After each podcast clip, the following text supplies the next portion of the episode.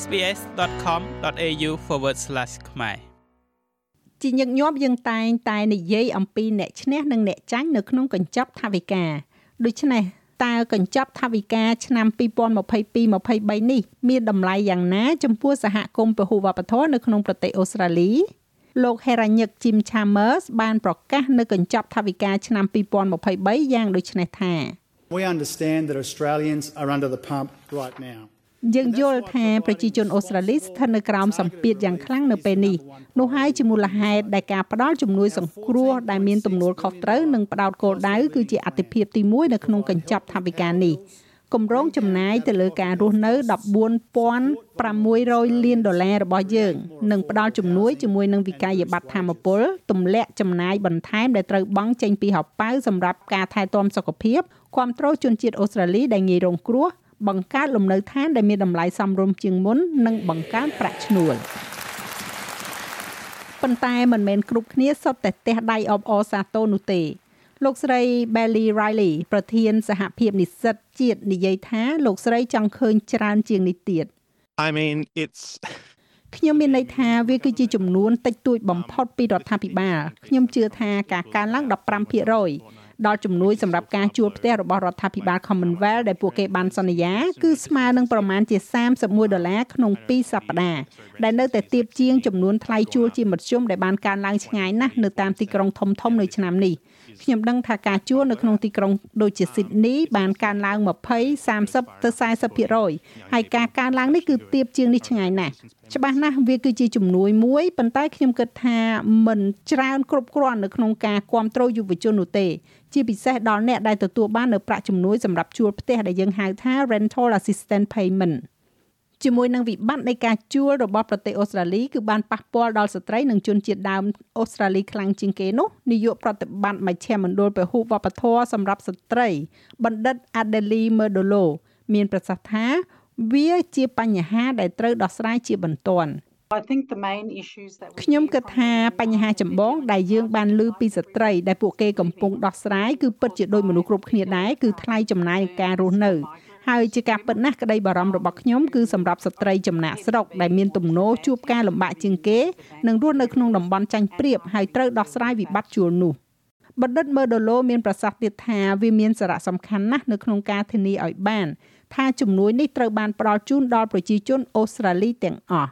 we have childcare schemes or different types of យើងមានគម្រោងកុមារដ្ឋាន child care ឬក៏ប្រភេទផ្សេងគ្នានៃគម្រោងដែលមានសម្រាប់តែអ្នកដែលមានទឹកតការជាក់លាក់ឬក៏អ្នកដែលមានសិទ្ធិរស់នៅជាអចិន្ត្រៃយ៍ក្នុងប្រទេសអូស្ត្រាលីប៉ុណ្ណោះ មានមនុស្សជាង1លាននាក់ដែលកំពុងរស់នៅក្នុងប្រទេសអូស្ត្រាលីក្រោមទឹកតការបណ្ដោះអាសន្នប៉ុន្តែពួកគេពិតជាបានរស់នៅទីនេះអស់ពេលជាច្រើនឆ្នាំមកហើយហើយពួកគេបានតាំងទីលំនៅនៅទីនេះហើយពួកគេមានកូននៅទីនេះហើយជារឿយៗពួកគេខកខានកម្មវិធីជំនួយទាំងនេះមួយចំនួន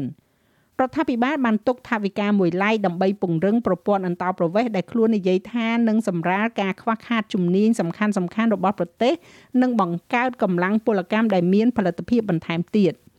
រដ្ឋាភិបាលនឹងផ្ដល់ផ្លូវទឹកតការអចិន្ត្រៃយ៍សម្រាប់ទឹកតការការពារបណ្ដោះអាសន្ន TPV សັບខ្លះលេខ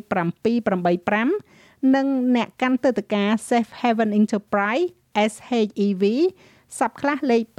790 អ្នកដែលកាន់ទឹកតការឬក៏ដាក់ពាក្យសុំ TPV ឬក៏ SHEV មុនថ្ងៃទី14ខែកុម្ភៈនៃឆ្នាំនេះ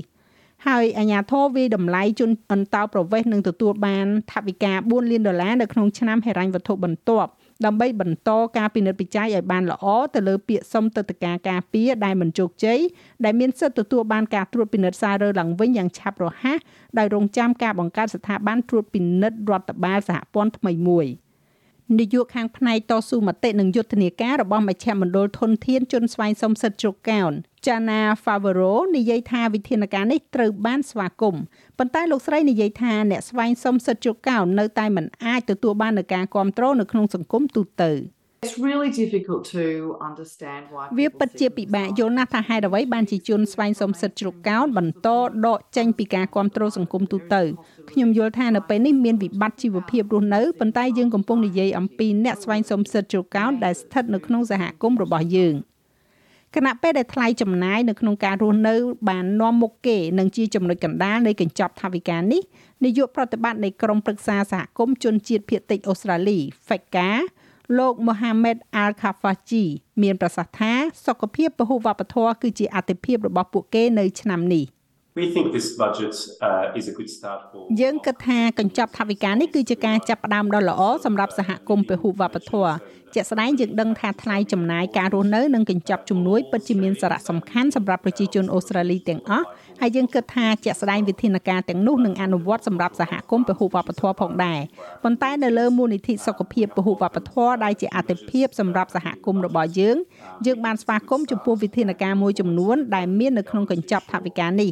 យើងគិតថាវាជាការចាប់ផ្ដើមដ៏ល្អហើយយើងទន្ទឹងរង់ចាំធ្វើការជាមួយនឹងរដ្ឋាភិបាលដើម្បីធានាថា រដ្ឋាភិបាលផ្ដល់កាន់តែច្រើនសម្រាប់ពហុវប្បធម៌អូស្ត្រាលីចាប់ពីខែកញ្ញាឆ្នាំនេះអ្នកជំងឺដែលមានជំងឺរ៉ាំរ៉ៃនឹងអាចទទួលបាននៅថ្នាំសង្កូវថោកជាងមុនលោក Heranyck Jim Chambers និយាយថារដ្ឋាភិបាលសហព័ន្ធនឹងវិនិយោគ2200លានដុល្លារដើម្បីបង្កើនលទ្ធភាពទទួលបានថ្នាំដែលផ្លាស់ប្តូរជីវិតតាមរយៈគម្រោងអត្ថប្រយោជន៍ឱសថ PBS Instead of having to go back to their pharmacy ជំនួសឲ្យការត្រឡប់ទៅរកឱសថការីរបស់អ្នកជារៀងរាល់ខែមនុស្សជាច្រើនដែលមានជំងឺរ៉ាំរ៉ៃនឹងអាចទទួលបាននូវការព្យាបាលរយៈពេល2ខែសម្រាប់ថ្នាំជាង300ប្រភេទផ្សេងគ្នាប៉ុន្តែវិជ្ជបណ្ឌិត Adelaide Merdolo និយាយថាមិនមែនគ្រប់គ្នាសុទ្ធតែអាចទទួលបាននៅថ្នាំដែលផ្ដល់មូលនិធិដោយ PBS នោះទេ ជាពិសេសអ្នកដែលកាន់ទឹកតការបណ្ដោះអាសន្ន So for a woman who's a migrant woman ដូច្នេះសម្រាប់ស្ត្រីម្នាក់ដែលជាស្ត្រីចំណាក់ស្រុកមានផ្ទៃពោះដែលមិនមានសិទ្ធិចូលប្រើប្រាស់ Medicare នាងនឹងមិនទៅពិនិត្យផ្ទៃពោះទាំងអស់របស់នាងឡើយនាងនឹងធ្វើឲ្យប្រកាសថានាងអាចបែងចែកប្រាក់ដែលនាងមានហើយអាចថារំលងនិងពន្យាការព្យាបាលនិងការថែទាំហើយវានឹងមានផលអវិជ្ជមាននៅចុងម្ខាងទៀត ដូច្នេះយើងពិតជាចង់ឃើញថ្នាំថោកជាងមុនចង់ឃើញឲ្យវាកាន់តែងាយស្រួលក្នុងការទទួលបានក៏ប៉ុន្តែសូមគិតគូរអំពីមនុស្សទាំងនោះផងអ្នកដែលត្រូវគេទុកចោលហើយមិនមានសិទ្ធិចូលប្រើ PBS និង Medicare សហគមន៍ជនជាតិដើមភាគតិចក៏អាចរំពឹងថានឹងទទួលបាននូវថវិការាប់រយលានដុល្លារសម្រាប់វិធានការបិទគម្លាតបើទោះបីជាភាគច្រើនត្រូវបានប្រកាសពីមុនក៏ដោយ រដ្ឋាភិបាលបានសន្យាបង្កើតស្ថាប័នសម្លេងក្នុងតំបន់គណៈប្រជាជនអូស្ត្រាលីត្រៀមបោះឆ្នោតប្រជាមតិសម្រាប់ស្ថាប័នជាតិមួយនៅចុងឆ្នាំនេះ។គណៈបក Labor និយាយថាខ្លួនកំពុងដើរយ៉ាងប្រុងប្រយ័ត្នក្នុងការផ្ដល់ឲ្យប្រជាជននៅជំហានហិរញ្ញវត្ថុខណៈដែលខ្លួនព្យាយាមរក្សាអតិផរណាទាំងអស់នេះនឹងត្រូវចាំមើលថាតើគេអាចរក្សាតុល្យភាពបានដែរឬទេ ចាស់ហើយរបាយការណ៍នេះចងក្រងឡើងដោយ Hannah Kwon សម្រាប់ SBS News និងប្រែសម្រួលសម្រាប់ការផ្សាយរបស់ SBS ខ្មែរដោយនាងខ្ញុំហៃសុផារ៉ានីចុច like share comment និង follow SBS ខ្មែរនៅលើ Facebook